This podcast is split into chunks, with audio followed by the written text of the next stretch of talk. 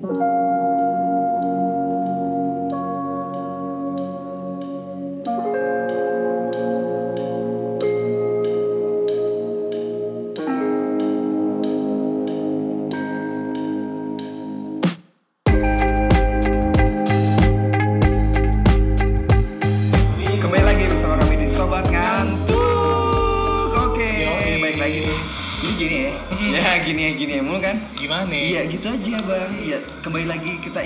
kepada kalian semua bahwa Sobat Ngantuk adalah podcast. Ketika kalian Ah. ngantuk, ya, Ah. pengen tidur, Iya. ya, tapi nggak bisa Ah. ngantuk, tapi nggak bisa tidur. Kriep-kriep doang. Kriep kriep tipis tipsi tipsi ya kan? Tipsi. Benar. Tidur juga masih kepikiran. Nggak tahu pikiran sampai. Aku kepikiran utang nih, pikiran apa, dosa lah, segala Nah, macam lah. itulah. Oke, kebetulan kita lagi ada di nggak apa-apa sebutin aja nama Ah. tempatnya. Ini di seribu, Seribu Pagi. Seribu pagi, kopi Ah. seribu pagi. Tuh gak sih kalau misalnya disebutin di situ kayak lagi Apa? endorse. Gak apa kali kali aja disuguhin lagi. Suguhin. kan. Kita lagi di seribu pagi. Sorry kalau misalnya agak berisik dan bakal banyak noise noise ketika kita lagi podcast kali ini. Ah. Dan thank you buat yang pendengar apa sih ini? Apa? Pendengar sobat ngantuk. Ngantukers. Ngantukers kemarin gue udah cek udah masuk ke 4000 sekarang. Serius lu? Udah masuk ke 4000. Itu salah satunya ada aku cinta. Itu enggak? Pasti ada. Aku melihat cinta. Enggak pasti ada. Aduh. Pasti ada yang denger sih. Komuk gue ada lagi Iya pasti. Eh, kan? Tuh kayak gini nih ada cik. Enggak apa-apa lah ya. nggak apa-apa lah ya. Ini salah satu sentuhan seninya. Ya, namanya ini tempat kopi pasti ada aja kan bunyi-bunyi hissing dari coffee maker atau mungkin dari grindernya, ya kan? Grinder asalnya dari green Apa? apalah itu. Nge-green. Green apa? Green. Kalau nge-green biasanya di Tony Hawk pencet segitiga. bisa segitiga. Nah. Nanti ininya apa analognya digoyang-goyang ya? Iya. Goyang-goyang. Nah, itu. Oke, eh, ini Hmm? di podcast kali ini uh, Iya. ada pembahasan. Jadi kan kemarin itu kita- ini gua bareng sama Ricky lagi ya. Ah. Pakai K ternyata nggak pakai Q gitu. Gua salah salah bikinnya. Gak apa-apa Nggak sebenarnya tipe ya. Ca. Eh, iya. Iya. Gak apa-apa Nggak apa-apa tuk gitu. Iya, Justru malah gampang. Gampang, jadi, iya. jadi susah dicarinya. Ya udah nggak apa-apa Siapa udah sih yang bacot? Salah kan syukurin Ya tipe. udah Ah. tipe ya pasti gitu ya. Gini.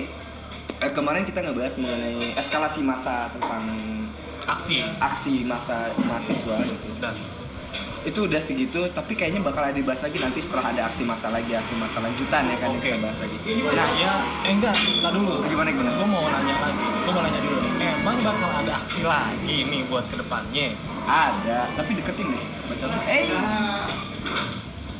Hmm, siap siap ya agak keganggu sedikit maaf ya bang Susah emang kalau terkenal. Ada yang salah anjing bangsat lanjut lanjut lanjut. Tadi dulu. ada noise Nah, biar orang lagi nyari duit. iya nah, jadi ini buat yang dengar kali ini banyak banyak sabar aja ya banyak ada stop stopan lampu merah Gak apa-apa lah. Hitung-hitung istirahatin kuping lu biar nggak denger bacot mulu. iya oke lanjut Ah, ah. Iya, kan gue mau nanya nih, emang kira-kira ke depannya bakal ada aksi lagi? menurut kabar burung entah burung siapa Iya. ya kan ngasih tahu gitu bahwa memang bakal ada lagi Hmm. jadi bakal ada aksi lanjutan lagi katanya itu setelah tanggal 20 yang pasti setengah setelah pelantikan presiden gitu Hmm. memang bakal ada aksi yang tanggal 19 20 nya katanya cuma itu bukan dari mahasiswa gitu. Oh, oh Ya, bukan. bukan Oh masyarakat lah ya. dari masyarakat cuma menurut info yang beredar dan beberapa flyer yang udah kita lihat gitu Mhm. ada yang tanggal 28 ada terus nggak tahu di tanggal berapa lagi kalau tanggal 28 sih gue rasa momentum ya kan kan cuma pemuda ya kan di mana mana gitu Oh bener. ya nggak tahu kalau di Jakarta ada aksi apa enggak gue nggak tahu gitu yang pasti sih tiap daerah kemungkinan ada gitu Oke. Itulah. Tapi enggak. eh, emang pada nggak takut buat ngadain aksi lagi? Kan ya lu tahu sendiri sekarang penjagaannya gimana banget kan? Nah itu kembali bang masalah takut nggak takut itu urusan masalah personal aja sih Iya. iya gak sih Iya. Selama masih punya Tuhan ya ngapain takut? nah itu sama Iya. sekali itu juga kalau ngerasa punya sih Iya. Punya nggak gue? nggak tahu Mudah-mudahan sih masih ada. Oke. ya gitu dah. ya kalau aksi sih katanya bakal ada nanti secepatnya lah katanya. cuma gue nggak tahu juga nggak bisa memastikan nggak bisa menyimpulkan karena itu kembali kepada pergerakan dari kawan-kawan sendiri bakal ada apa Jangan ngikutin suara mesin kopi suara mesin kopi. ini podcastnya asik ya asik, ya Asik. asik itu banyak ya nggak apa-apa lah Jangan nih, jangan ngikutin apa kata tokoh lu. anjing mas toko bangsa Iya kan? Gerak sendiri aja. gerak aja ya kan Kan, Iya. kan kalian kemarin juga kata lu kata Dandi, jangan iniin nokohin lah. Bergerak sesuai dengan ininya aja, masing-masing lu bikin kelompok masing-masing, lalu pecahin. Ya bukan mecah ya kayak apa ya?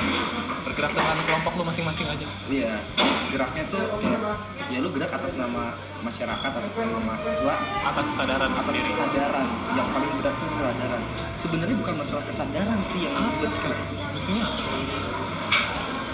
nyari orang yang sadar ya kan sih? Sekarang iya. itu susah. Iya emang susah, Cak. minimal satu ya. Waras saya dulu. Udah waras dulu ya kan? Kalau nyari gini deh. Yang sadar. Sekarang kalau sadar literally sadar baru bangun tidur kan sadar udah Mm-mm. sih? Tapi ketika ditanya diajak ngobrol nggak waras obrolannya. Kan Iya. Masih lindur, lindur ngalor ngidul. Lulungu. lulungu belum disetir abang-abangannya ya nggak tahu lah ya kan itulah yang disebutkan kan kalau orang waras tuh dia bisa memilih jalurnya dengan baik dan tahu ke mana porsinya dia untuk bertindak gitu kan Tapi untuk saat ini kita ibaratnya jadi orang waras sendiri di antara orang gak waras malah kayak kita yang gak waras. kita yang nggak waras Ini kan ya itu aneh gitu. Lu waras sendiri di antara lingkungan lu yang gak waras ibaratnya. Iya. Jadi lu malah jadi lu yang dianggap gak waras. ya pasti Iya kan? Nggak dianggap gak waras Ujung-ujungnya di tangkap. ditangkap jangan bahas dulu bang Oke, oke, maaf, maaf, maaf. oke eh, Baik. jauh sebelum kita bicara masalah akan adanya masa lagi eh, aksi masa lagi ke depannya eh, mahasiswa ini punya tugas yang berat gitu Iya. ada tugas yang berat nih mahasiswa Apa itu berarti gimana? mahasiswa sekarang itu kayaknya punya gap antara mahasiswa sendiri sih Oh, oke, berkelompok berkelompok. berkelompok berkelompok mulai dari antar personal Mhm. antar kelas Mhm. antar angkatan antar fakultas sampai antar kampus sampai antar gabungan-gabungan antar gabungan gitu Oh. antar gabungan kampus gabungan kampus itu antar gabungannya antar bisa dibilang aliansi bisa front bisa atau apa pun itu Ah, mereka punya gap di situ nah ini yang harus kita coba pecahin gimana caranya ini memecahkan ini gitu. Mulai- kenapa kenapa nggak bersatu aja gitu? kenapa nggak bersatu gitu Nah, karena nomor satu kan udah menang katanya nggak bisa bersatu berdua Oh, udah iya. kalah yang berdua berdua kalah. kan kita mah bertiga aja deh Iya. angka tiga Oke. I-nya tiga. iya parah dibahas. Goblok. oke Yoi, balik lagi sobat santuy. sobat santuy Oh bukan, sobat ngantuk. sobat ngantuk ya kan santuy ya kan sebenarnya sobat santuy itu siapa pun di mana pun lu kan Iya. ya yoi kita aja deh Iya. pembelaan ke tai lah bangsat nah oke Hmm. lanjut Eh, gimana Iya. cara memecah ini itu yang harus dipikirin Buat menyatukan kembali. mau menyatukan kembali jadi kayak ibaratnya kita pecahin nih jaraknya tapi setelah dipecahin jaraknya kita tempelin lagi satu sama Hilangkan border border pemisah ya. pemisah kalau dipecahin dan jabungin lagi susah pecahin buang aja udah ganti baru Nah, bener. iya gak sih Iya. mungkin kalau nempelin satu-satu pasti ada yang nggak mau aku nggak mau ditempelin deket yang Nah. ini kan gitu kan Jadi ada yang hilang. ada yang hilang kan kebanyakan mangkok buat sop gitu ada yang hilang bocor mending bikin mangkok baru Bener. dari video oke Yoi. nah jadi gini ah, kita berkaca aja dari beberapa kejadian-kejadian di tiap kampus sampai di beberapa kampus Mhm. di Indonesia lah ya, pasti ada gitu kejadian di mana ada sekat pemisah yang terjadi di antara mahasiswa dengan mahasiswa apalagi kalau udah bicara masalah ego sektorian Oh, ngerasa paling. ngerasa paling ngerasa bahwa wah ini gua dengan teman-teman gua dengan kelasan gua Ah. dengan jurusan gua Ah. dengan fakultas gua dengan kampus gua paling keren. Yang lain gak keren belum tentu cuy. Iya. ya kan masalahnya skala ngitung kerennya itu dari mana? Nah, apa standar kerennya itu apa? apa standar kerennya itu apa standar sebagai yang berkuasa di antara yang lainnya itu apa gitu benar sekarang. benar. Jangan sampai teriak kenceng di dalam melempem di luar. Iya. Iya kan? Diajakin eh bener ya? Ada tuh yang gitu Cak. Ada pasti di dalam kayak raja deh. Iya. Wah kira diajak aksi keluar nggak mau ngikut. Mau sekalinya ngikut. nggak mau gabung. Nggak mau gabung nah itu. Nah itu dia. Padahal kan kita sama-sama mahasiswa. Iya ya, dong. sama-sama sekampus juga. Iya. Tapi ada yang gitu. Ada pasti kayak gitu. Sebenarnya mungkin gue ngeliatnya mungkin Hmm. mungkin mereka bisa tergabung nggak mungkin setengah dari mereka tuh sebenarnya nggak sepakat Oh. tapi karena memang ya udahlah ini kan namanya juga teman-teman gua Iya. jadi ya bareng mereka yang ngikutin at- yang udah ada gitu budaya mungkin oke oke. ngikutin yang udah ada gua gua gua gua kayaknya kadang mikir bahwa sebenarnya mereka tuh lebih kritis gitu orang-orang seperti itu lebih kritis hanya karena udah ada patron berbentuk budaya yang dari dulu sampai dengan sekarang dan nggak bisa dilawan alasan nggak bisa dilawannya ya karena ya inilah atasan mereka udah minta kayak gitu. Oke. Abang-abangannya udah minta gitu. Iya. jadi nggak bisa mama, nggak- sebagai mama nggak punya power yang nggak ikut punya aja. power ngikut aja gitu. Ah, nah ini gimana mau motongnya ada sebenarnya caranya. Gimana? Caranya adalah satu. Hmm. berani nggak? Ngelawan. Bukan ngelawan sih Apa? lebih ke kalau ngelawan tuh terlalu terlalu keras soalnya bahasanya. Apa dong Eh, kalau ngelawan intervensi. Bukan intervensi lebih ke gini berani apa enggak keluar dari kotak yang udah disediakan? Nah pecahin kotak pecahin kotaknya gitu. Biarin buyar buyar ya ini kan masanya kalian gitu. Nah bukan masanya abang-abang elu. Iya. Bukan masanya. Oke memang abang-abang itu perlu buat ngatur bukan ngatur ya lebih kepada ngasih masukan gitu. Nah, bukan berarti ngatur. Mendidik. Mendidik ya kan? Tapi nggak pakai kekerasan. Nggak pakai kekerasan ya kalau gue lihat itu abang-abang dan para senior itu mereka punya peran. Iya. Buat membangun pola pikir membangun pola didik adik-adiknya tapi bukan mengatur. Beda. Oke. Mem- eh, gimana ya kayak mereka cukup menarik garis eh, garis lurus aja gitu bikin benang merahnya aja. Bikin benang merahnya aja. Ah, biar adik-adiknya mengikuti garisnya. Mengikuti, iya, mengikuti. garisnya. Ah, nggak perlu pakai sampai diarahin gimana digiring digiring. Nah itu nggak perlu karena apa ya? Eh, gini beda zaman beda era Yoi, beda sisi emosional seseorang benar. beda tingkat moralitas seseorang Benar. dan beda cara dan etos kerja mereka masing-masing. Ah, ya nggak bisa dipukul sama rata. Nggak bisa dibuka sama rata. Bahkan kan eh, Ali Ali bin Abi Thalib mungkin yang bilang itu lupa ya ingetin gue itu. Hmm. bahwa zaman orang tuamu eh, zaman kamu dan zaman orang tua dan zamanan saya itu berbeda. Iya. Tidak bisa dipaksakan. Nah itu ya. Kalau gua salah ya silahkan diingetin gue lupa habis semuanya. Pasti kurang lebih dijelasin kayak gitu. Nah sama pun dengan pola gerakan dan pola mahasiswa gitu. nggak bisa kayak gini patron di 98 dibalikin ke patron sekarang itu nggak bisa. Enggak jauh. Ya oh. Kalau gue menurut gue kayak 98 98 bisa se masif itu bisa se berhasil itulah saat itu ya nggak? Iya meskipun ya mungkin karena sih. emang saat itu nggak ada sosial media. Nah. Kurang ya kan sosial media itu salah satu yang menurut gua bisa mecah mahasiswa pergerakan mahasiswa. Bisa nyatuin tapi bisa bisa mecahin. nyatuin bisa mecahin. Di pro kontra juga. Nah itu. Nah saat itu mungkin ya saling bergeraknya tuh dari mulut ke mulut terus mulut ke mulut terus kesadaran. Kesadaran. Kesadarannya tinggi. Itu yang bikin bisa sama satu sih dulu. Musuhnya satu. Iya benar. Sama. Hmm. semua setuju. Itu dia musuh. Itu musuhnya. Kalau sekarang tuh gini eh, mahasiswa mulai dari yang tadi kita bilang ego sektorian segala macam ya musuh mereka itu sama satu juga sebenarnya. Apa? Diri sendiri. Oh ego. Ego.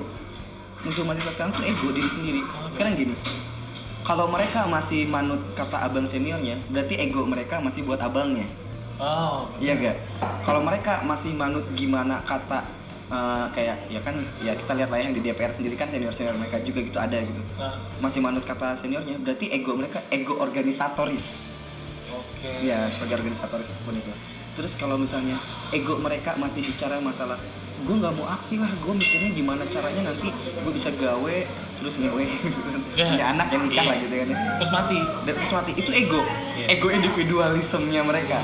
Berarti musuh mahasiswa sekarang itu satu bang sebenarnya diri sendiri. Egonya mau itu ego sektorial atau ego apa pun itu musuhnya itu satu. Nah ini dari mulai titik-titik terkecil dari mulai antar fakultas atau antar uh, jurusan Hmm. ego-ego ini harus mulai dikikis gitu gimana caranya mereka coba melepas deh border-bordernya. Kayak gua dari fakultas ini merasa paling ini nggak bisa cuy. Oke. karena ketika lu lulus lu butuh temen lu fakultas yang lain. Bener. Nggak bisa lu hidup sendiri gitu. Iya iya iya iya. Kecuali lu otodidak lu mau ngerjain semuanya. Iya.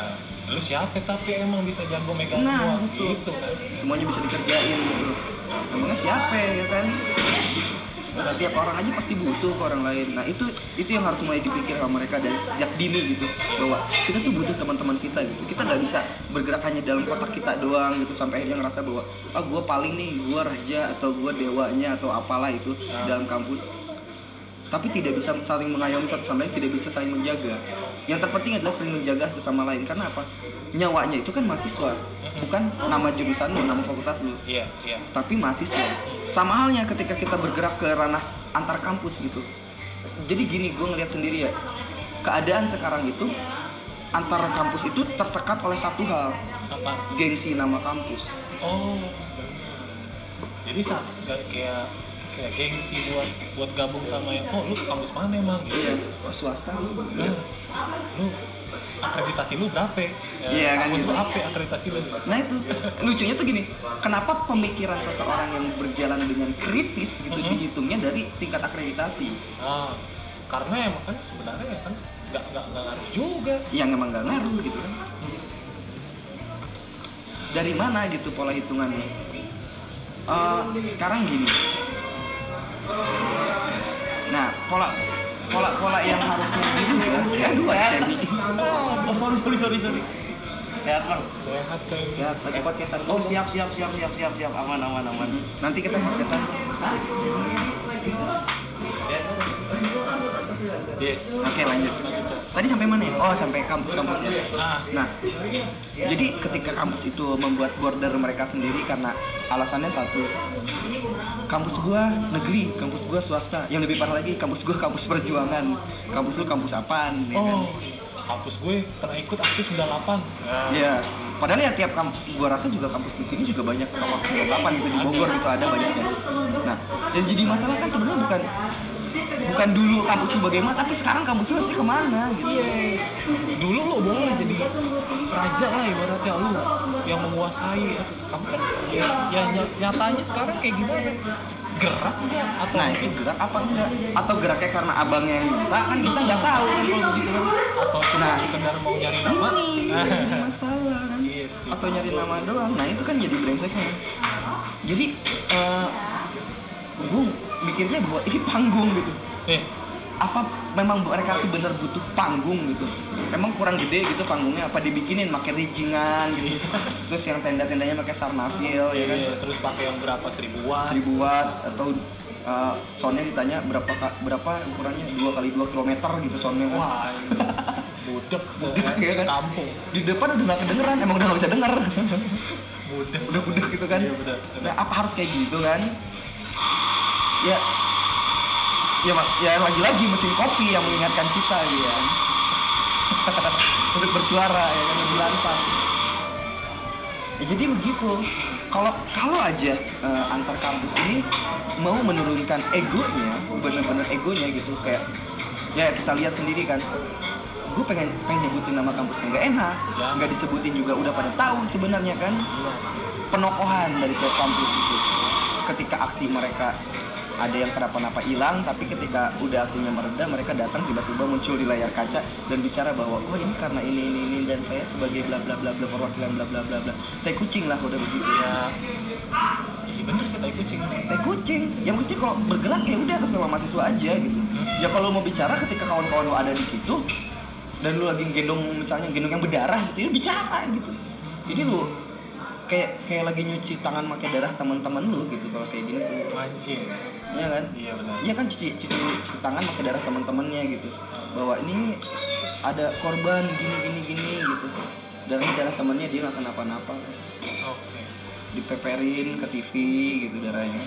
Kayak gitulah gitu Makanya kita ngelihatnya apa seperti ini gitu caranya. Dan pola-pola ini pun di gua rasakan di beberapa kampus itu terjadi. Jadi ini sih gua rasa ya nggak nggak nggak nggak cuma antar kampus gitu kayak gini. Dimulai dari sisi terkecil gitu. Di dalam kampus Di dalam sendiri, kampus di sendiri. internalnya sendiri. Antar jurusan pun seperti itu. Oke. Dan antar fakultas pun seperti itu. Makanya kita nggak perlu aneh ketika antar antara universitas atau antar kampus itu mereka memiliki irisan yang sama. Oh, jadi kayak ya sama gitu polanya di bawah sama ya di atas sama. Nah rantai yang harus diputus itu adalah rantai awal mula mereka yaitu adalah peran orang-orang yang mencoba mencuci otak mereka dari atas. Oke masuk. Semua rata-rata sama bener gak benar ribut antar jurusan gara-garanya abang-abangnya biasanya kan atau kakak-kakaknya gitu atau senior-seniornya ya kan? Yang pasti orang-orang yang di atas kan. Gue nggak terima nih kalau jurusan gue gini gini gini gini gini. Ceritanya solidaritas lah. ceritanya solidaritas lah. Nah abang-abang yang satu lagi yang rasa adik-adik gue dihabisin sama satu jurusan yang nggak terima tapi mungkin caranya berbeda nggak cara kekerasan mereka jalur lain. Ya kan? Diutamakan harusnya dialog bener gak tapi Iya. kan ketika mau dialog nggak bisa ya gimana? Ya akhirnya kan jadi tiap tiap antar gap antar abang-abangan ini akhirnya membangun satu kata yang cukup mematikan antara satu dengan lainnya adalah solidaritas. Iya. Tapi buta solidaritas buta ya ya mestinya kalau lu mau solidaritas lu lihat dulu. Lihat dari awalnya awal mulai siapa yang salah. Siapa yang salah. Awal mula kenapa bisa ada terjadinya mungkin bentrokan atau kayak gesekan itu siapa gitu Nah, kan. itu. awal mulanya karena apa? Ya mestinya dari situ dulu. Kalau dari situnya udah jelas ya nggak ya kalau gue pribadi sih ngapain kalau misalkan abang-abangan gue yang salah ya ngapain gue belain? Nah itu. Kenapa harus dibelain kan. Harusnya kita berpikirnya ke situ. Sayangnya nggak semua orang bisa berpikir seperti itu. Karena pola didik kembali lagi pola didiknya beda. Yang satu memang dididik untuk menjadi ibaratnya untuk dewasa dalam bersikap. Ah. yang satu lagi didewasakan untuk lebih bersikap. Eh gimana ya jadi? Didewasakan untuk lebih bersikap gitu. Ah. jadi seolah dipaksa ya udah lu bikin apa kek bikin apa kek. Ah. udah Ah. lu serang aja serang aja. Seolah-olah dewasa gitu beda ininya polanya. Oke Dek kembali lagi gitu. Itu dengan pola-pola dari mulai jurusan dan sampai ke fakultas sampai ke antar kampus gitu kan. Karena mahasiswa sendiri itu udah kehilangan arah sih gua rasa gini. Sekarang gini uh, emang pasti fungsi spesialnya mahasiswa gitu kan? Fungsi istimewanya kan jelas. Sebagai social control ya kan? Agent of change sama iron stock gitu kan. Ya kan? Gitu kan. Teori nih ya, teori nih ya. Teori. terus gua sempat baca agak lucu sih gitu. Ini ciri-ciri mahasiswa menurut Kartono dalam Ulfah 2010 ah. Satu memiliki kemampuan dan juga kesempatan untuk belajar di perguruan tinggi sehingga dapat digolongkan dalam golongan inteligensia oke lah bilang, ya benar sih gitu. Iya, iya. perguruan tinggi kan mahasiswa dan intelijensi orangnya. Diharapkan intelijensinya lebih tinggi dibanding orang yang pendidikannya tidak sampai ke tidak sampai ke tingkat perguruan tinggi. Perguruan tinggi gitu kan. Kedua, dengan memiliki kesempatan yang ada, mahasiswa diharapkan kelak bisa bertindak sebagai pemimpin yang mampu serta terampil, baik sebagai pemimpin masyarakat maupun dalam dunia kerja nantinya. Cuma gue dunia tiba-tiba ada kata-kata dunia kerjanya tuh gue kayak kenapa emang emang emang harus diarahkan untuk jadi kerja kerja kerja dan kerja ya itu ah ah. ini masuk era 2010 ya dalam artian berarti Oh. pasca reformasi itu mahasiswa fungsinya jadi ke kayak kalau gitu menurut perguruan tinggi itu kayak pabrik karyawan dong. Pabrik karyawan ya iya nggak sih? Iya. Cuma kan dia kan profesor cuma bikin. Masa kita ngekomentarin profesor? Siapa ya? Satu yang belum Iya, beres satu belum beres. Bisa apa ya kan gitu kan. Dia kan bicara masalah ciri-ciri mahasiswa, berarti yang dilihat sama dia. oke menurut pandangan si bapak itu. Ya, dan terjadi saat ini, berarti memang benar terjadi saat ini bahwa mahasiswa itu bakal jadi pekerja gitu. oke Terus ketiga, mahasiswa diharapkan dapat menjadi daya penggerak yang dinamis sebagai proses modernisasi dalam kehidupan masyarakat. Oke lah. ya Ya ibaratnya ya dia agen perubahan juga lah di Ah. situ masuknya. Terus mahasiswa diharapkan mampu memasuki dunia kerja sebagai tenaga yang berkualitas serta profesional.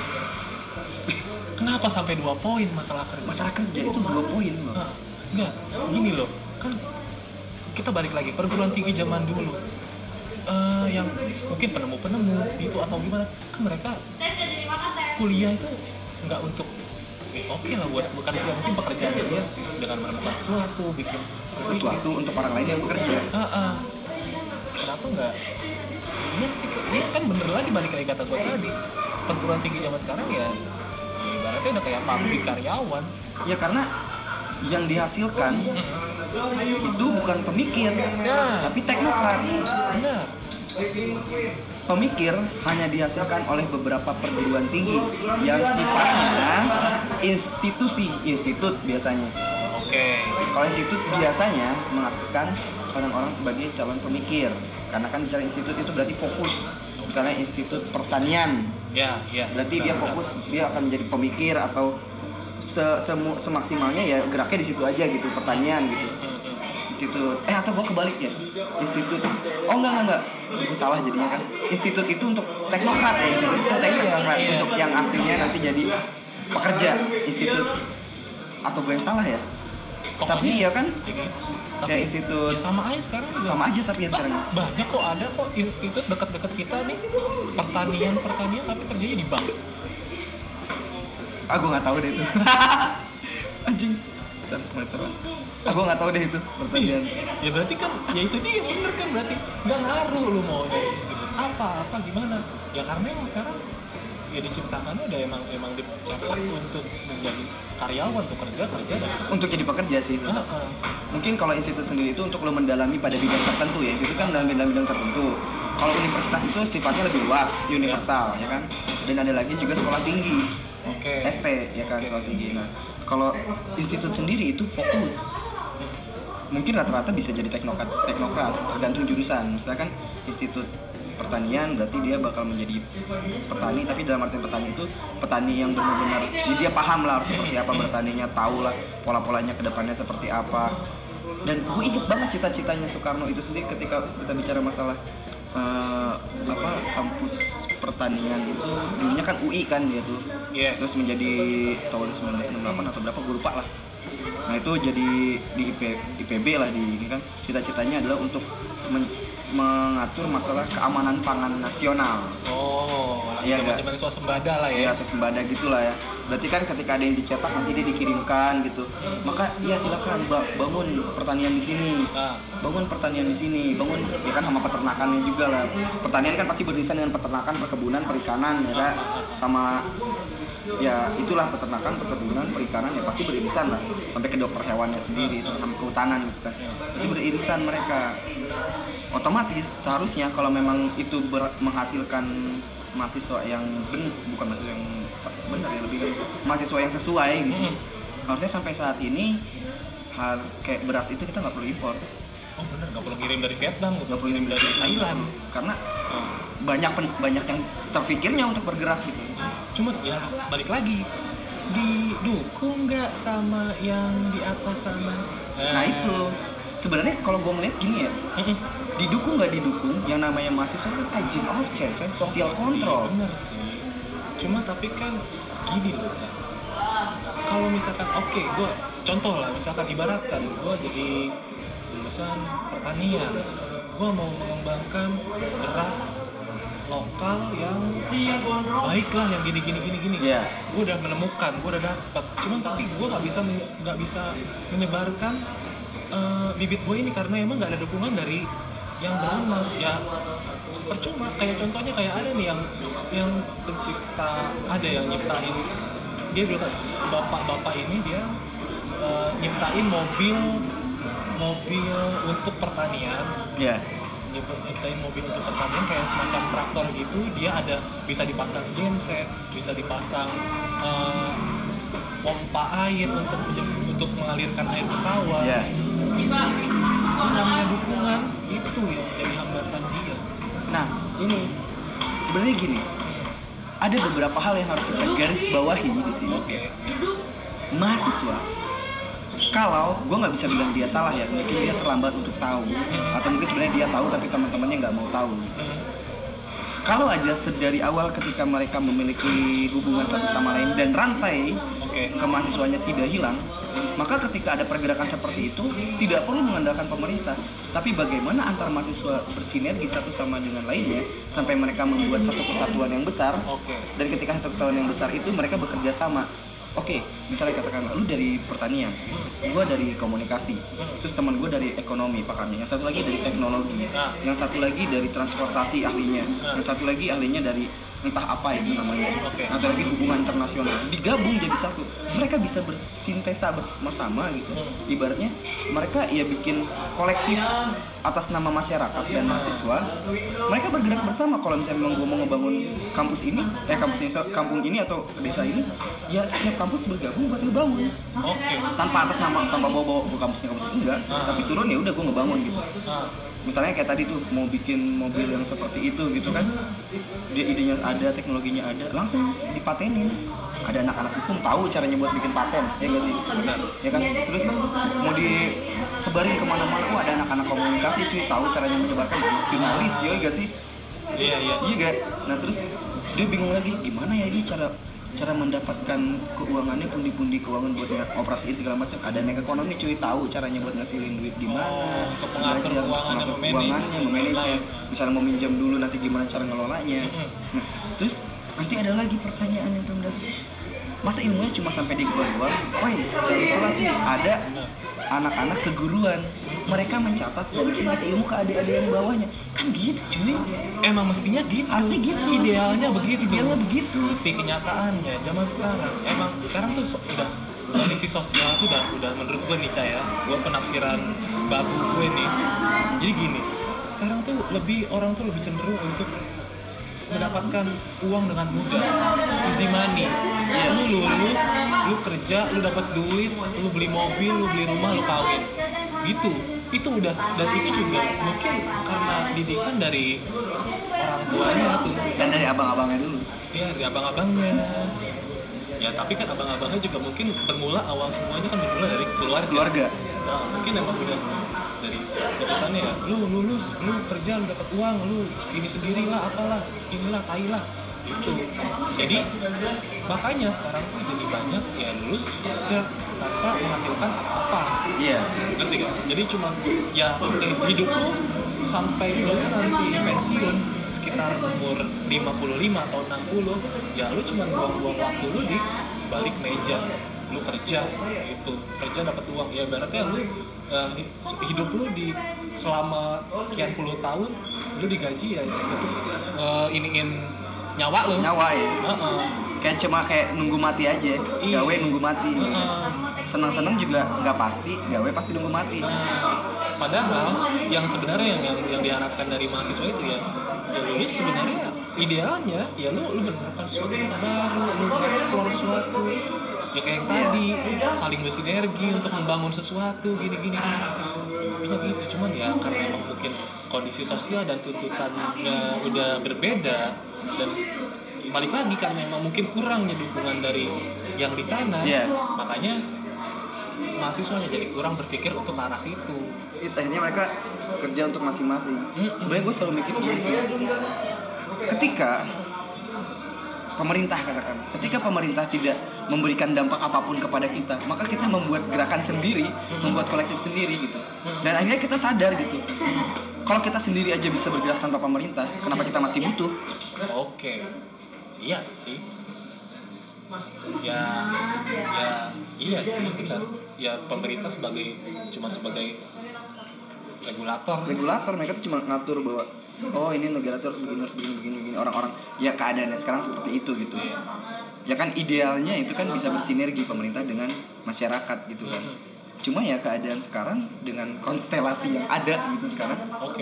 ya bahwa seperti ada gap yang cukup jauh antara pemerintahan mahasiswa dan masyarakat. Sekarang itu kan yang kita rasain ya. Eh, di mana eh, mahasiswa punya gap dengan masyarakat dan mahasiswa punya gap dengan pemerintah. Tapi enggak sih sekarang. Hmm. mahasiswa punya gapnya dekat sama pemerintah karena contohnya banyak yang ada yang diundang ke istana juga. Iya. Iya. gapnya malah lebih jauh ke masyarakat gitu. Parah ya nah eh, gampangnya gini. Kenapa itu bisa terjadi? Hmm. karena mahasiswa ini ditakut-takutin. Ya benar. Takutnya pertama benar banget. takut lulus.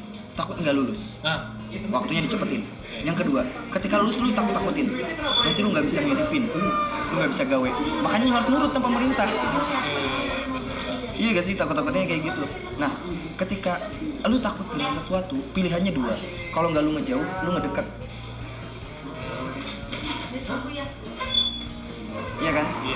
Sekarang gini kalau kita takut akan singa gitu singa kan ya. Nah, kita pasti ngejauh karena kita tahu singa itu buas. Singa itu buas kelihatan siap. tapi ketika kita takut sama misalnya kucing Mhm. takutnya karena dia suka nyakar gitu tapi kan kalau kita elus-elus dia jadi baik Iya. itu keadaan sekarang katakanlah pemerintah itu kucing cuma terlalu kecil kalau kucing kan cuma ya kita ibaratnya seperti itulah Hmm. dia bisa nyakar tapi kita bisa elus-elus nah kalau elus-elus nanti dia baik ke kita juga kan Iya. tapi ingat suatu saat ketika lu baik dia yang akan ngambil ikan lu Oh, ya kan Saat lu lengah, dia yang akan ngencingin rumah lu Hmm. Dia akan ngeberakin rumah lu. Dan ketika lu bunuh itu kucing maka orang lain akan protes. Oh, bener. Ada yang peta, ada yang apa, dan Iya kan? Itu.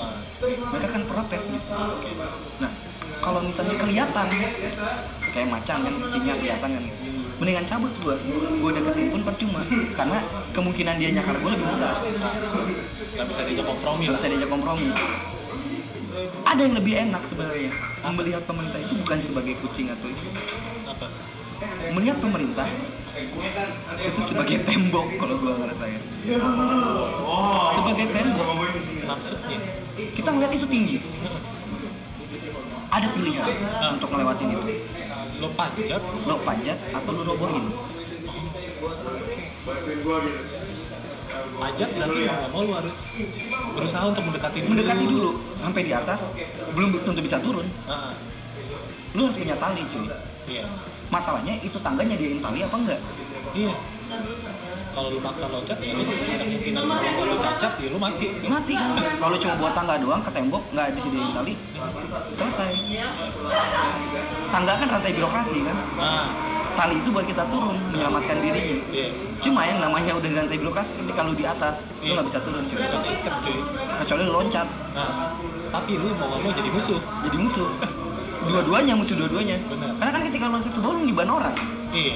niban rakyat Dan lu udah ninggalin yang yang, kem- yang kemarin lu tinggalin lu naik ke atas. iya Nah, ditinggalin bener.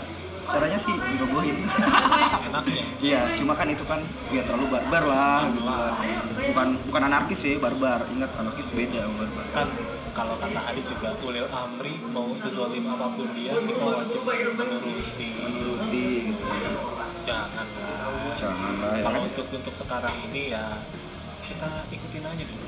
dulu alurnya nanti kalau udah muak baru ya Ya itu gimana sih kondisional? kondisional.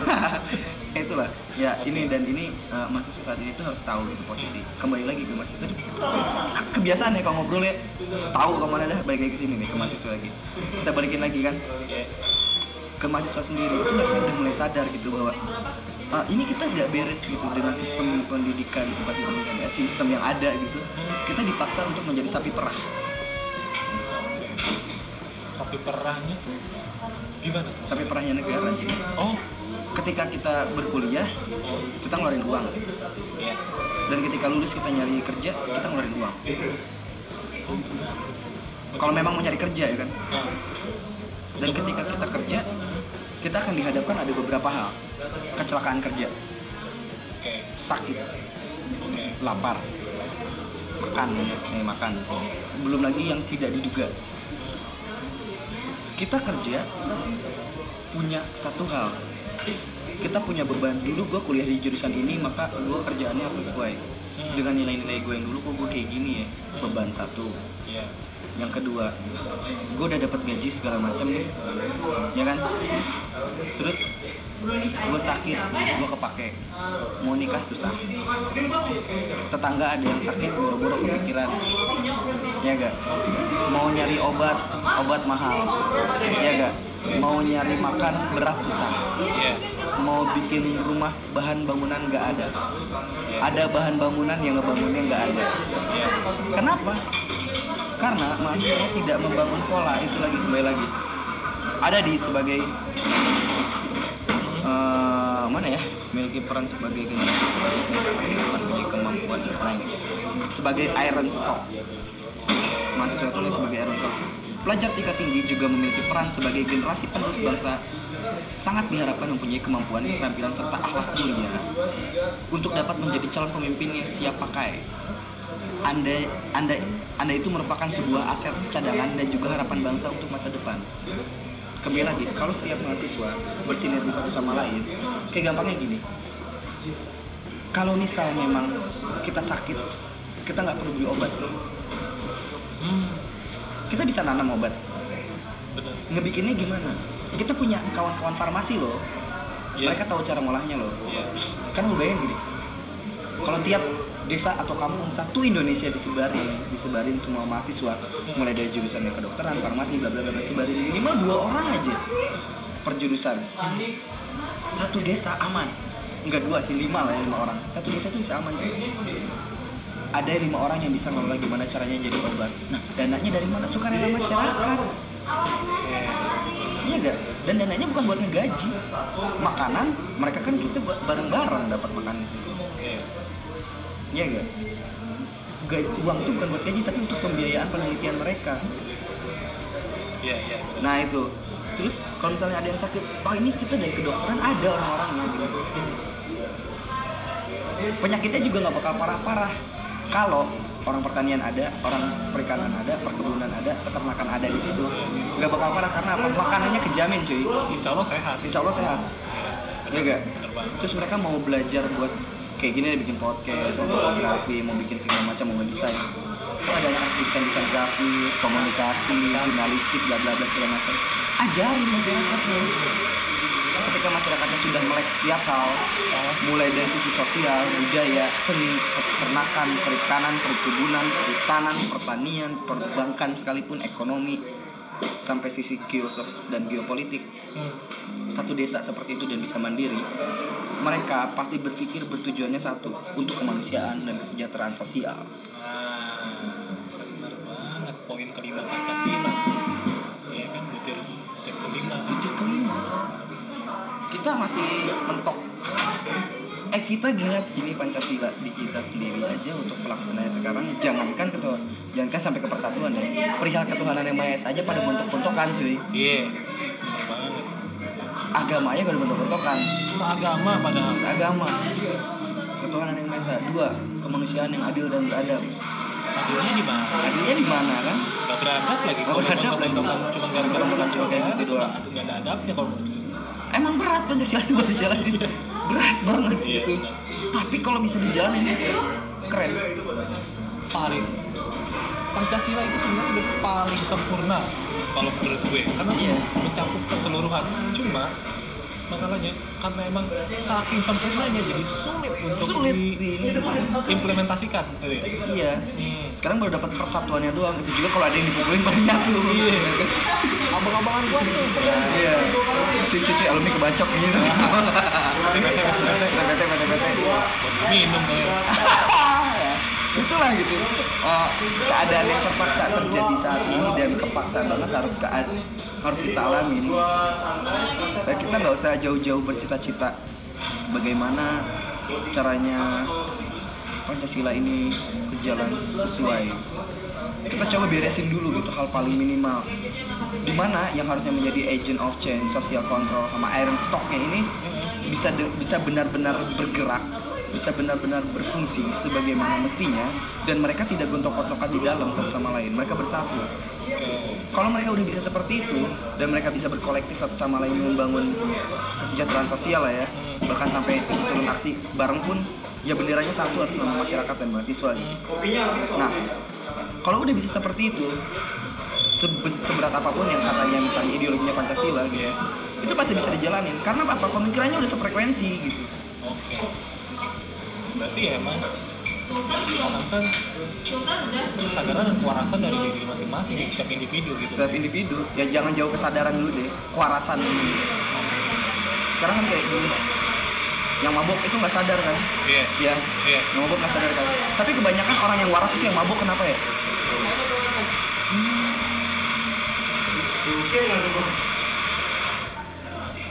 Coba deh kalau lihat orang-orang yang pada mabuk gitu. Nah, Tapi bukan mabuk yang cuma ketawa ketiwi ya, yang Iya. mabuk mabuk terus mabok yang mikir, yang mikir jadi gitu. mikir. Oh pas gue nih nih orang kok sadar gitu. Wah. Apa bukan sadar apa? Waras. gitu. Waras. Ketika kayak gini waras, apa lu semua harus pada mabuk dulu baru bisa jadi waras? Benar. Baru keluar tuh semua udah unek lu. Baru semua keluar unek-uneknya gitu. Kenapa ketika sadar itu malah terbelenggu hatinya gitu? Jangan salah. Ya karena mungkin ada kontradiksi sendiri di dalam pikirannya dia. Kayak saat saat dia mungkin gini ya, karena emang saat manusia mungkin gini ya saat manusia ke- kehilangan sedikit kesadarannya dia ya dia jadi jadi out of control. Semua yang ada di dalam ininya dia keluar. Keluar. Heeh. tapi saat dia kondisi dalam tanda kutip sadar dia jadi punya batasan. batasan dalam pemikirannya dia. Gue kalau gue kalau ngomong gini ntar kira-kira gimana? Tanggapan orang. Nah itu dia mungkin ya itu dia sih. Nah itu. Cuma sayangnya batasan yang mereka gunakan itu Mhm. buat bicara yang baik. Ah, ya bicara bicara kebenaran dan bicara yang baik itu malah jadi batasan gitu. Karena takut kan? Kembali lagi takut. Iya. Ya posisi sekarang semua masyarakat bahkan juga semua mahasiswa itu takut posisinya. Iya. Jadi ketika mereka sadar itu karena mereka tahu mereka sadar akhirnya mereka takut. Takut untuk mengutarakan kebenaran. Kebenaran. Akhirnya mereka menjadi tidak waras ya dan itu yang terjadi sekarang. Ya gampang lah ngeliat orang yang nggak waras gitu. Nggak waras dalam tanda kutip ya. Hmm. ketika mereka tahu mereka harus berjalan seperti apa ah, tapi ketika mereka disetir sama abang-abangnya mereka ikutin abang-abangnya. Waras tuh. Jadi nggak waras kan? Iya. lo udah tahu lu udah bener kok lu mau aja disetir sama ini. Ya jadi nggak waras mereka nah itu kan beratnya sekarang seperti itu. Makanya itulah mahasiswa ya coba deh ya kayak gitu. Mereka terus mulai bergerak bener-bener buang deh ya egosentris gitu ya. Ini kan kita udah ngomong panjang lebar dari mulai harusnya kayak gimana sampai ngebahas masalah pancasila bahas negara gitu. Harusnya bisa dapat gitu intisarinya kan? Mm-mm. intisarinya harusnya bisa dapat di situ. Intisarinya ada ginsengnya. Ada ginsengnya kan? Intisari tuh banyak gitu. Harus bisa dapat gitu intisarinya tuh. Ya apa yang harus diselesaikan adalah coba ngebuang egosentrisnya coba gabung satu sama lain gitu. Ketika gabung satu sama lain bukan kalian memanfaatkan orang lain tapi kalian bersintesa untuk menjadi manfaat. Ya. Jadi malah manfaat bersintesa buat manfaatin orang lain kan salah gitu. Tapi bersintesa untuk menjadi manfaat orang lain untuk orang lain. Bukan malah manfaatin Orang lain. orang lain. Nah. Kalau sekarang kan manfaatin orang lain bukan bukan bersintesa menja- apa untuk menjadi manfaat kepada orang lain gitu. Dan kepada diri sendiri ya. Minimal gini kalau lu udah bisa ngasih manfaat yang besar kepada lingkungan dan wilayah lu pasti lu juga dapat manfaat. Sekecil kecilnya manfaat pahala. Iya. Kalau percaya ya kan? Sekecil-kecilnya manfaat itu sekecil-kecilnya manfaat yang nggak kerasa tapi besar kalau bagi yang bagi yang paham tentang agama gitu kan. Iya. Kecil karena kita nggak ngerasa tapi besar kalau misalnya kita tahu. Iya. Mungkin saat lu hidup lu nggak nggak kayak nggak ngerasain apa-apa tapi saat lu mungkin satu mati nanti ya lu bakal ngerasain tuh manfaatnya bener-bener yang apa yang lu jalanin selama ini iya selama hidup. bagi yang percaya. Udah kalau yang nggak percaya kan kita ngomongin tentang pahala juga apaan pahala apaan ya emang capek ada. gua ngomongin hal itu. emang ada yang gitu ya itu bagi yang percaya aja gitu. Iya. kalau yang nggak percaya ya udah silahkan bertahan pada prinsip masing-masing. Betul. Oke kita lihat berapa lama nih bacotan ini oh baru 47 menit santai santai. Ada telepon bang? Biarin aja nggak penting. Penting. Penting ngebacot ya kan? Oke eh, kembali lagi ke topik awal ya. Bagaimana mahasiswa ini harusnya mulai berbenah diri mulai melihat ke sekeliling mulai coba merangkul kawan-kawannya mulai coba lepaskan ego sektoriannya mulai coba untuk ya bendera gua gua copot dulu deh mau gua dari organisatoris mana mau dari mana dari mana. Kan yang bikin mereka nggak enak hati adalah gua kan gedenya di sini bang.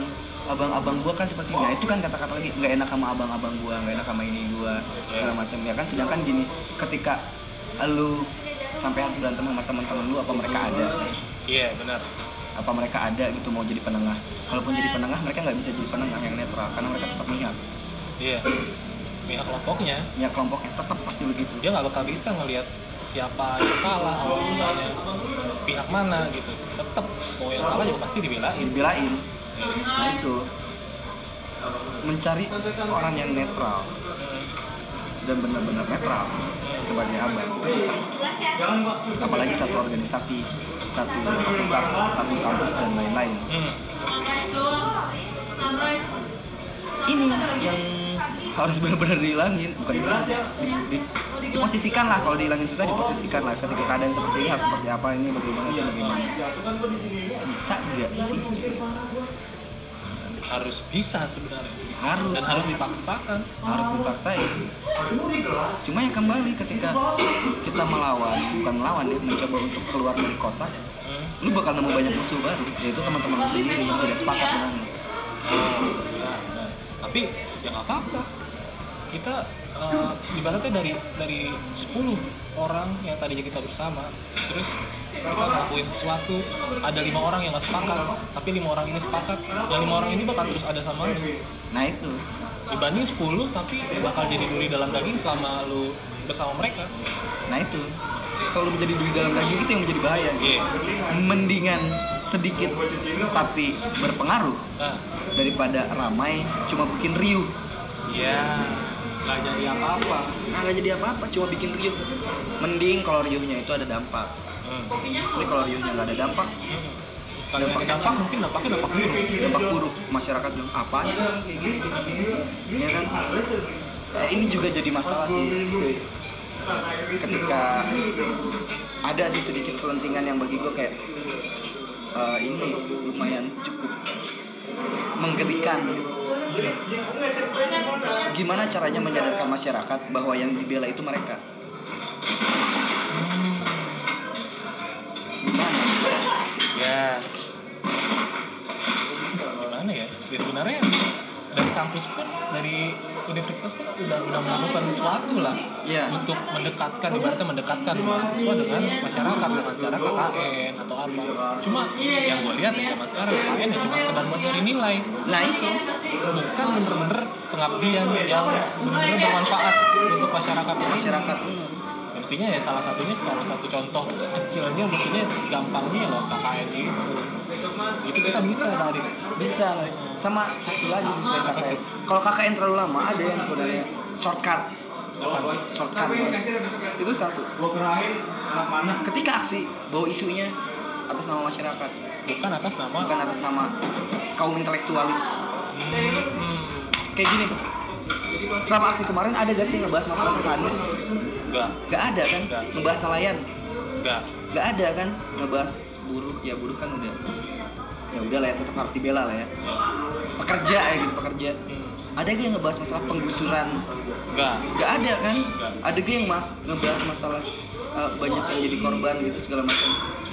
Ada pun sedikit iya dan jarang.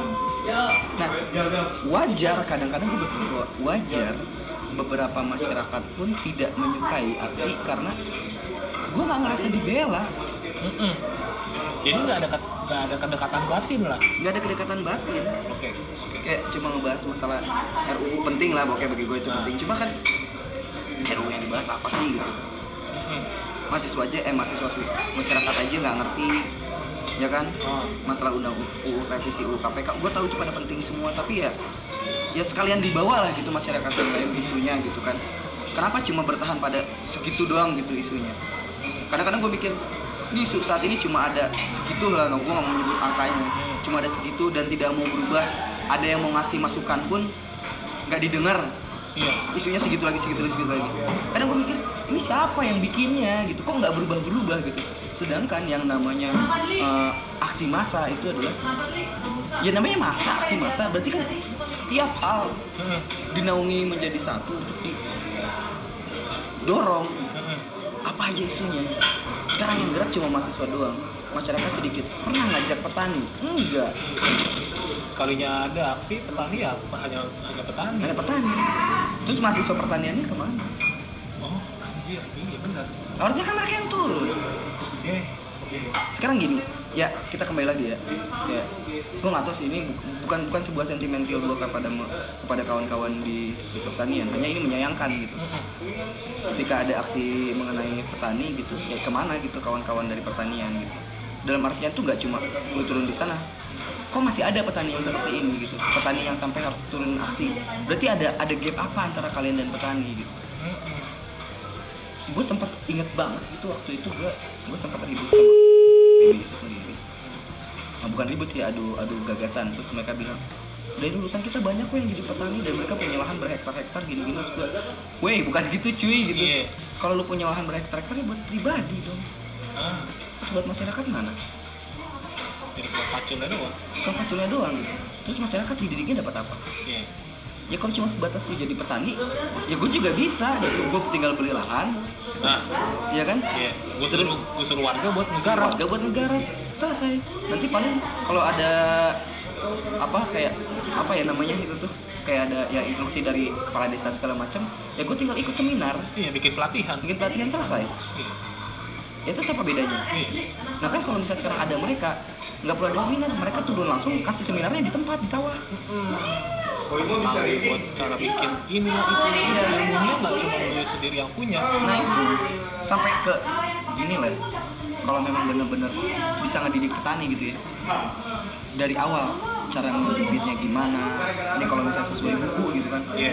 cara yang bagus itu bibit seperti apa oh dibikin dulu nih cara ngebikin bibitnya yang unggul bawa penelitian bikin laboratoriumnya di desa Iya. iya gak bikin labnya di desa ajarin masyarakat jadi peneliti juga nih peneliti padi gitu dibikin cara bikin pupuk yang bagus misalnya dari susu apa gitu campurin sama ceket tambahin apa gitu. Diteliti oh kandungannya ini kenapa sih harus dicampurinnya pakai susu pakai ini? Karena kandungannya ini. Petani tuh ngerti jadinya oh kenapa bikin pupuk tuh karena ini? Ah, ada laboratoriumnya. Jadi ibaratnya lu nggak lu nggak memonopoli ilmu lu sendiri. nah nggak monopoli ilmu sendiri nah bahkan sampai ke pengemasan yang diajarin Iya. sampai ke pendistribusian nah sekarang kan jadi masalah itu kan distribusinya susah karena ada tengkulak. Nah rata-rata tengkulak itu orang yang ngerti. Tengkulak nggak mungkin orang yang nggak ngerti. Iya. dia pasti orang yang ngerti gimana cara memotong mata rantainya? Adalah orang yang pintar harus dikalahin sama orang yang cerdas. Oke. kalau tengkulak itu pintar dalam mengatur uh, roda perputaran pertanian maka orang cerdas harus bisa memotong bagaimana mengatur roda roda roda apa penjalan pertanian ke tengkulak itu sendiri. Cerdas beda ya cerdas sama pintar. Kalau orang pintar itu hanya menguasai satu bidang tapi orang cerdas itu bisa menguasai beberapa bidang dan secara dewasa mereka mengamalkan ilmunya. Oke. iya kan? Orang yang cerdas itu kan. Benar, benar. orang pintar kan dukun biasanya. Iya kan? Orang pintar soalnya. Iya. Dukun dong. dukun. Orang pintar kan. Nah kalau kalau kalau bisa seperti itu ini hanya contoh kecil ya. Kenapa ya? Gue bukan bukan sentimen sih gue cuma ya, ya kan negara kita negara agraris. Iya sih. iya itu. Eh, negara agraris tapi malah dibikinnya tambang. Bibitnya tambang nah ini kan berarti kan ada ada kejanggalan. Iya. kalau kalau misalnya di situ ada mahasiswa yang ngontrol Ah, kalau ada mahasiswa yang diam di situ kalau ada mahasiswa yang menjadi agent of change to control and the iron stock dan fucking shit lainnya gitu. Ketika ada orang-orang yang ingin mencoba buat mengambil alih tanahnya ah, mahasiswa tahu harus bertindak seperti apa dan mengajarkan kepada para petani. Benar. berarti ini kita udah kecolongan dong ya karena nggak ada yang ngontrol di sana. Sekarang mau ngandelin siapa yang ngontrol? Mau ngandelin aparatur negara bisa. nggak bisa satu-satunya yang bisa dianggap netral cuma mahasiswa saat itu Iya. kalau aja ada mahasiswa yang standby di sana Hmm.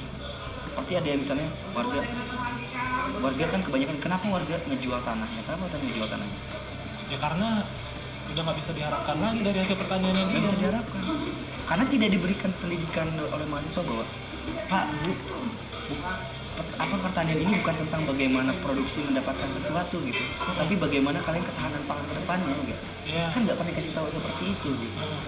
ya coba kalau misalnya dari awal diajarin seperti itu dididiknya seperti itu dari awal ya dari sebelum harusnya itu ini keterlambatan yang amat sangat dari sebelum mereka tahu bahwa padi itu kalau dijual bisa membuat mereka banyak uang dan kalau tanah dijual itu bisa mereka banyak uang gitu. gini loh ya sebenarnya nggak itu jangan jangan jangan. Kalau emang yang bertani ya kalau menurut karena mengharapkan uang. Seenggaknya kita dari yang masalah dasarnya dulu aja. Jangan lo bertani jangan lo berkebun lo nggak lo nggak perlu bingung mikirin lo makan. Nah. Itu. Karena kan manusia ya hidup dengan makan. Ya dengan lu bertani dengan lu berkebun.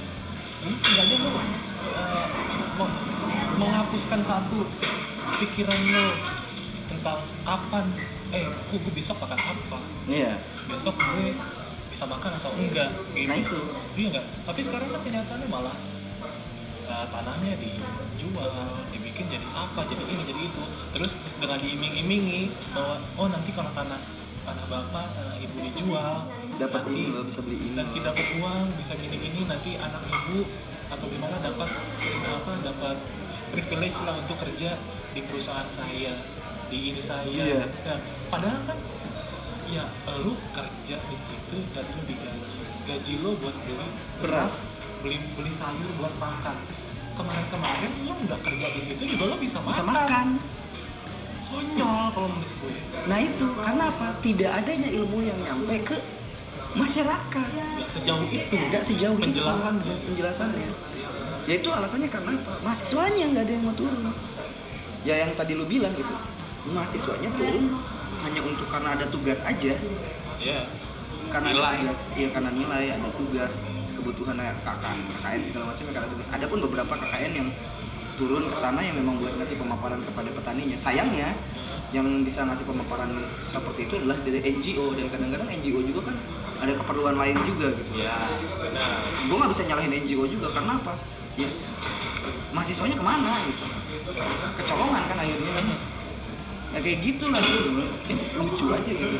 Sedangkan mereka sendiri itu sebagai mahasiswa itu turun harusnya memang buat atas nama rakyat gitu. Kenapa memperkaya diri sendiri? Gitu habis lah sekarang generasi sekarang kalau misalnya nggak ada yang sadar untuk bertani nggak ada yang sadar untuk membangun masyarakat ke depannya kita semua jadi robot. Pekerja aja udah selesai. Iya itu dia. Ya pekerja aja selesai. Gue tuh inget banget waktu itu gue pernah ikut penelitian di desa gitu tentang pertanian ya di Sunda di Sunda di Sunda itu ada apa aturan gue lupa. Ketika lu panen itu nggak boleh dijual. Iya dimasukin dimasukin umbung padi. Ya lumbung padi lah kalau kita teh apa ya? Leit leit. Nah, leit disimpan di leit. Nah mereka itu nyimpan di situ. Kalaupun mau dijual itu nunggu 40 hari dulu. Ya karena mungkin ya ini pemikiran gue ketika lo mau kenapa harus 40 hari gitu? Karena ada targetan nih kalau 40 hari ini masih cukup berarti sampai panen ke depan masih ada. Iya benar. mereka ada stokan gitu karena bisa dibagi sama mereka. Lebih lah. Lebih ya itu dan bahkan dulu itu satu panen setahun sekali. Iya. Tapi sampai tahun ke depan itu sisa panen masih ada karena nggak pernah dijual. Iya. Makan beras aja hidup. Sisanya mah nggak bisa mancing. Belut ada di situ. Iya yang maksudnya kecukupan positifnya ada lah. Cuma ya kembali lagi sekarang kebutuhan berubah belok. Nah kembali lagi pendidikan yang memaksa kita buat mem- buat untuk menyelesaikan setiap kebutuhan itu menjadi bentuknya materialis. Ya apa apa tuh harus pakai uang. Pakai uang materialis materialis dan itu memang diajarkan seperti itu. Terus uh, yang menarik lagi tuh yang dari kebudayaannya sendiri itu ini mereka kalau mau nanam itu ada hitungan harinya. Larangan bulan lah hari ini nggak boleh hari ini nggak boleh hari ini nggak boleh. Dan beberapa hari itu di dalam beberapa bulan itu nggak boleh. Ternyata ketika gue perhatiin gue tanya kenapa ini pak Iya suka ada angin? Mungkin kalau dulu tuh mereka tuh bisa baca bintang wah ini kalau hari ini tuh pasti anginnya gini ini pasti gini ini musimnya serangga bla mereka tahu. Cuma orang kita anggapnya itu mistik segala macam. Iya. Dan lucunya ketika gue penelitian itu gue nanya pak apa ada dari mahasiswa pernah meneliti pernah? Yang diteliti apa? Cuma sebatas bagaimana panen bagaimana nanam. Sampai gue nanya tentang kayak gini yang kebudayaan dalam artian cara ngitung padi nggak boleh ngejualnya di diteliti gak enggak. Jadi kayak ya udah sesuai sama buku aja gitu Iya. ditelitinya. Nggak nggak berkembang. Nggak berkembang. Coba kalau ditelitinya sampai situ. Pasti mereka juga nggak ngebangun pendidikan yang lumayan keren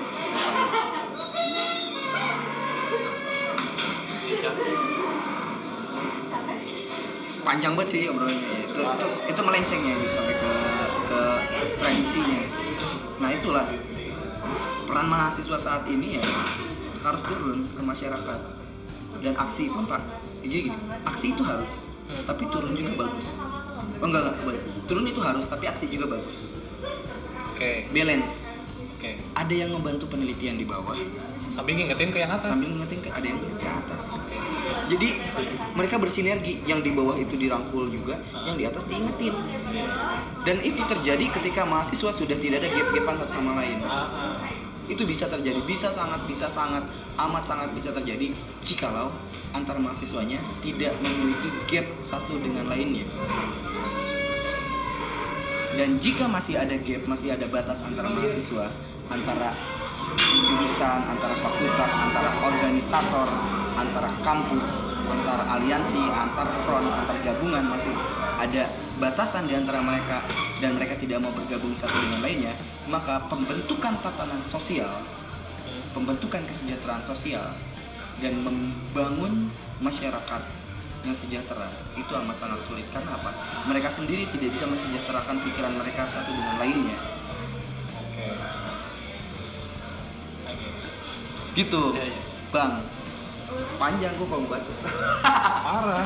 Parah. Sebenarnya bi- bisa melenceng ke mana-mana, cuma kita dari tadi makanya ditarik lagi. Tarik lagi, tarik lagi. Memang pasti gitu karena gimana ya? Mungkin karena udah sebel kali ya. Iya. Udah sebel gitu. Udah penuh banget di sini. Udah penuh banget, iya. di sebenarnya. niatnya mau ngomongin tentang mahasiswa ya mungkin mungkin gini sih kita ya kembali lagi ke intisarinya gitu kenapa sih kita harus ngebahas sampai sejauh itu sampai ke ranah ke pertanian sampai ke tradisi sampai ke tadi kesempat bahas pancasila sampai ngebahas ke negara sampai segala macam gitu kalau kita tarik dari seluruhnya adalah bahwa ya lu mahasiswa Hmm. lu itu calon buat ngurusin masa depan Iya. negara atau Iya. masa depan bangsa atau masa depan masyarakat ini gitu dan kalau kalian masih bergontok-gontokan satu sama lain siapa yang akan melanjutkan ke depannya ya bisa jadi nanti kalau saat yang sekarang lagi megang terus udah pada lemah loyo udah pada mati kita naik ya kita bakal gontok-gontokan lagi juga di atas. Gontok-gontokan lagi di atas dan terjadi lagi gitu. Iya. Ya kan? Sekarang aja gontok-gontokan di atas meskipun gue yakin bercanda sih gontok-gontokannya. Ya ya sempat ribut-ribut ribut ujung-ujungnya selfie bareng. Sapi bareng. Dan yang jadi korban masyarakat. Iya. Terus mahasiswa ngapain coba coba aja kan ya. Mereka mahasiswa bergabung terus ngasih ngasih pendidikan tentang ke, ma- ke masyarakat bahwa politik ini gini loh politik tuh gitu loh. Bukan malah ikut ngomporin. Sekarang kan malah ikut ngomporin. Sini gini sini gitu gitu. Ya lu kan posisinya di tengah cuy. Ya lu nggak usah mihak siapa-siapa sebenarnya Mm-mm. ya turun ke bawah yang nggak tahu nggak tahu. Tapi ngasih tahu ke masyarakat bahwa politik itu seperti ini politik itu seperti itu sebelum masyarakat didoktrin oleh hal-hal yang tidak baik lebih baik kita mendoktrin bukan mendoktrin ya memberikan pemahaman kepada masyarakat bahwa ini loh yang baik ini loh politik ini loh kebenaran lapangan dan ini loh yang dicari oleh aktor-aktor politik. Eh sekarang malah mahasiswanya sendiri gabung sama banyak aktor-aktor politik kan makanya abang-abangnya ada yang di parpol mana dibela aduh panjang ya? Panjang sih. Kayaknya perlu ada sesi lanjutnya sih. Tapi gue sekarang ke lu. Sesi selanjutnya mau bahas apa? Itu sebenarnya nih Cak ya. Tadi kan kita udah ngebahas tentang ada tapi bahas tentang pertanian, perkebunan, terus yang tanahnya diambil alih dibuat jadi perusahaan atau apa lah, tambang dan ini. Sebenarnya tertarik untuk membahas itu. apa? Tentang tambang? Apa pun lah, kayak pengalih guna lahan diubah jadi itu lah, dibuat jadi perusahaan apalah, terus jadi pembangkit listrik tenaga tai atau Tenaga apa udang. tenaga udang.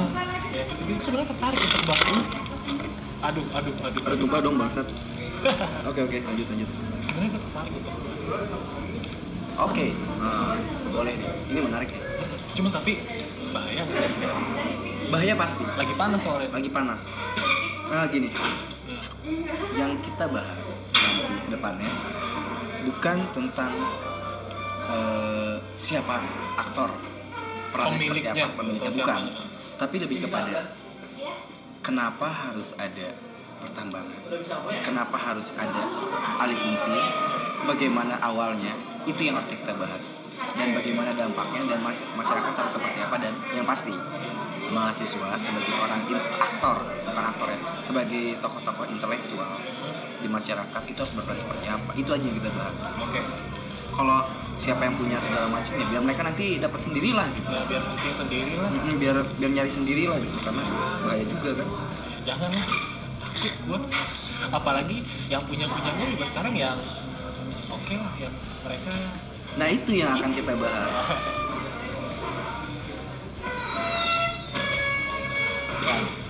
Gimana? Biasa gini bikin podcast. Ada lagi kan yang ngajak ngobrol? Nggak tahu. ya gitu. Kalau mau dibahas ke sana. Kita lihat eh, irisannya. Kenapa bisa seperti itu? Sebenarnya ada waktu itu gue sempat penelitian juga di satu desa. Kenapa bisa sawah berubah menjadi real real estate atau perumahan gitu. Teknik-teknik yang mereka bikin gitu, cara-cara yang mereka bikin dari sawah biasa jadi tiba-tiba tidak produktif dan ada alasan untuk dijual murah. Itu juga gue dapat. Nah itu di- dimatikan lah dimatikan dan itu nanti kita bahas di podcast selanjutnya. siap Oke, nah podcast hari ini yang ngebahas tentang mahasiswa sebenarnya bakal banyak banget sih kalau berbahas kalau mungkin akan ada sesi-sesi berikutnya. Jadi podcast hari ini kita selesaikan dulu hari ini yang mengenai mahasiswa ya. Ya intinya bisa dijelasin bersatu lah udah. bersatu lah ya. hilangin ego ego Hilangin ego-ego, ego sektorian, Hmm. menghilangkan titik tiap ego sektorian yang ada di ranah mahasiswa adalah dengan mulai motong mata rantai yang ada di mahasiswa itu sendiri adalah coba dengerin kata hati lu deh. Jangan kata abang lu. Kalau emang kira-kira abang lu nggak bener ya udah. Ya udah gitu jangan ya boleh kedengerin kata abang lu tapi Ambil yang benernya aja. ambil yang benernya aja gitu jangan sampai yang buat ngaritnya diambil. Ya lumayan kan duit lagi duit lagi gila gila cuan didengerin gila duit nggak didapetin ya gitu kan nah itu. Emang sekarang ya tentang sosial pengennya easy money mulu. Easy money mulu jadinya kan lil lil easy bird ya lil easy bird deh. Susah ya gitulah. Mahasiswa bergabung lah. Buang ego sektorial kita nggak peduli lu dari jurusan mana lu dari fakultas mana lu universitas mana lu dari ANC mana abang lu siapa keluarga lu siapa? Lu siapa? Yang pasti satu hal yang harus dipikirin. Lu turun untuk siapa? Itu yang harus dipikirin.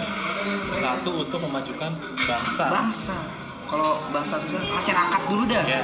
untuk untuk masyarakat ya, atas nama rakyat gitu. Jangan sampai atas nama apalah. Ya susah. Lah ya udahlah gitu aja loh tak ada yang mau diomongin nggak? Udah cukup banget cukup banget ya Nah, ngebacot dulu ya. selanjutnya aja nih. Oke, eh, sampai jumpa di sesi selanjutnya sama ya udahlah ya. Memang. Oke, sampai bertemu di sesi selanjutnya bersama gua sobat ngantuk dan botak bot botak apa ya? botak botak kalau gue biasa kalau lagi MC Hmm. panggilan ke botak international playboy Oh, BIP, BIP BIPB. Nah, tapi harus di garis bawahi gak ada playboy yang ngaku Oh iya, lu mengaku ya? gue ngaku berarti gue bukan playboy Bukan playboy. Oke, Nah. bener bener bener. bener, bener. Sebuah pembelaan yang mantap ya. Oke, thank you.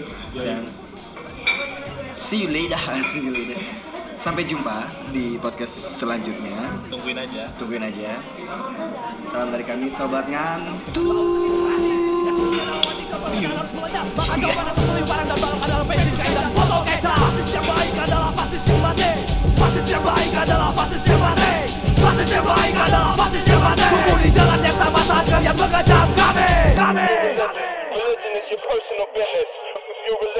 Religion is your personal business.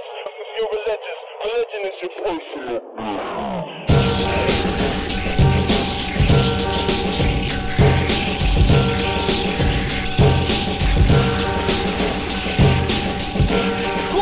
Muka Dengan atau tanpa label agama Fasis tetaplah fasis. Begitu seragam pada nisan yang mereka salin Pastikan semua berakhir kita langit menghitam Apakah